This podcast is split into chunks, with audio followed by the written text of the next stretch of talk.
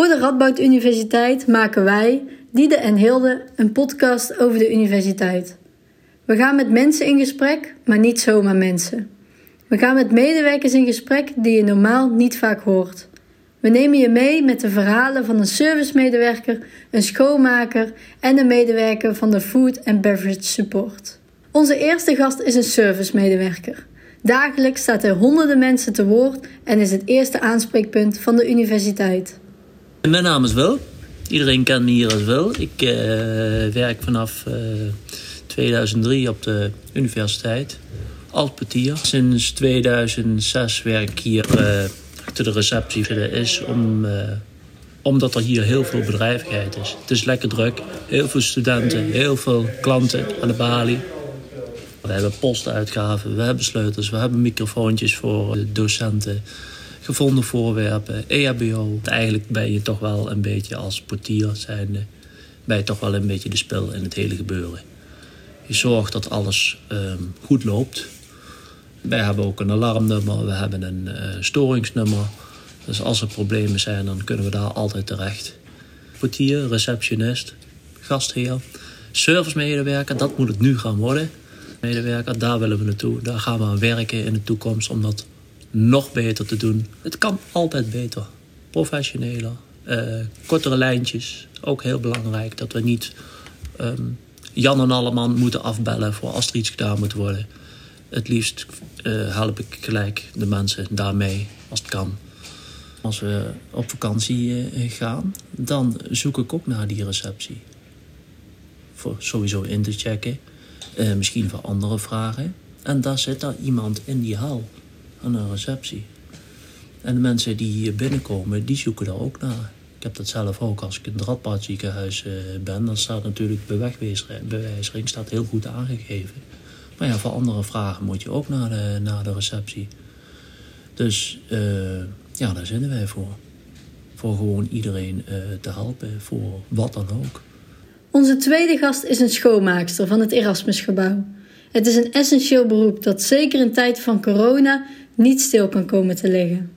Ik ben Sylvia Simonis. Ik werk bijna, denk een jaar of 19, 20 in de schoonmaak. Uh, ik werk 3,5 uur en uh, ja, ik doe hier schoonmaken. Uh, maandags doe ik beneden de mediatheek en de postkamer. Nou, dinsdags heb ik dan hier en wc's en dan pak ik af en toe de, ook de trap erbij.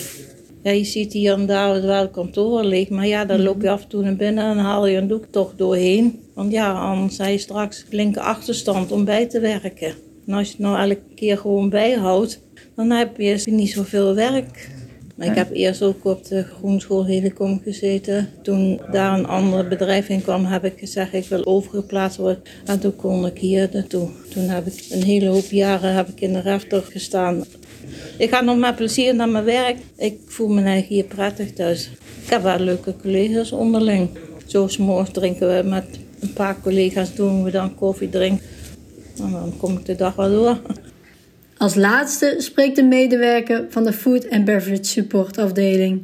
Hij zorgt ervoor dat in deze tijd alle collega's van de Radboud Universiteit aan het werk blijven. Ja, ik ben uh, Nick Hartendorf en ik werk op de afdeling Food and Beverage Support. En ik ben nu ongeveer anderhalf jaar werkzaam op de Radboud Universiteit. Waar ik ben begonnen hier in de Refte als uh, medewerker. En nu ben ik dus naar de supportafdeling van Food and Beverage gegaan. En wat houdt de Food and Beverage afdeling in? Wij zorgen ervoor dat de roosters onder andere worden gemaakt. Dus wij zetten onze medewerkers allemaal op andere manieren nu in. Dus er zijn er bijvoorbeeld diverse mensen die normaal achter de bar stonden of in de keuken. Die zijn nu portier geworden. En andere collega's worden op dit moment gewoon ingezet als anderhalve meter coaches. Waar mensen dus als studenten binnenkomen om te wijzen dat ze een mondkapje moeten dragen. En de anderhalve meter afstand moeten waarborgen. En wij zorgen ervoor dat iedereen een beetje wordt herverdeeld. Aan het werk kan blijven. Alleen de taken waar ze nog gewoon hartstikke goed en waar ze hartstikke blij mee werken. Die zijn gewoon weggevallen. En dat maakt het af en toe wel lastig. Maar ze begrijpen wel de noodzaak ervan.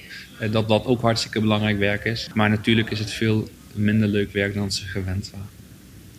Uh, natuurlijk, de sfeer is wel wat veranderd. Normaal hadden we hier een paar honderd gasten per dag.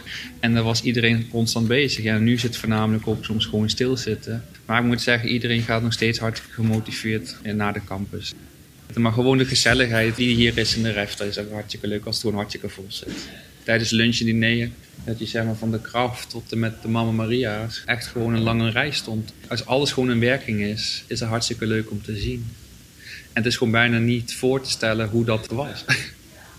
Dan dat je zeg maar één, vijf werkende, zes werkende counters, inclusief Panama, hebben, waar je zeg maar allemaal rijen stonden. Nou ja, je moet je voorstellen, nu zit er dan een lege refte, maar gewoon uit mijn hoofd hebben we normaal 1800 zitplaatsen. Elk plekje die er was, was bezet. Ja, het is gewoon, eerst gewoon een hele leuke sfeer dan. En dat mis, dat mis ik wel. Hopelijk, na het horen van deze verhalen, heb je een beter beeld gekregen van de werkzaamheden van de medewerkers. Bedankt Wil, Sylvia en Nick.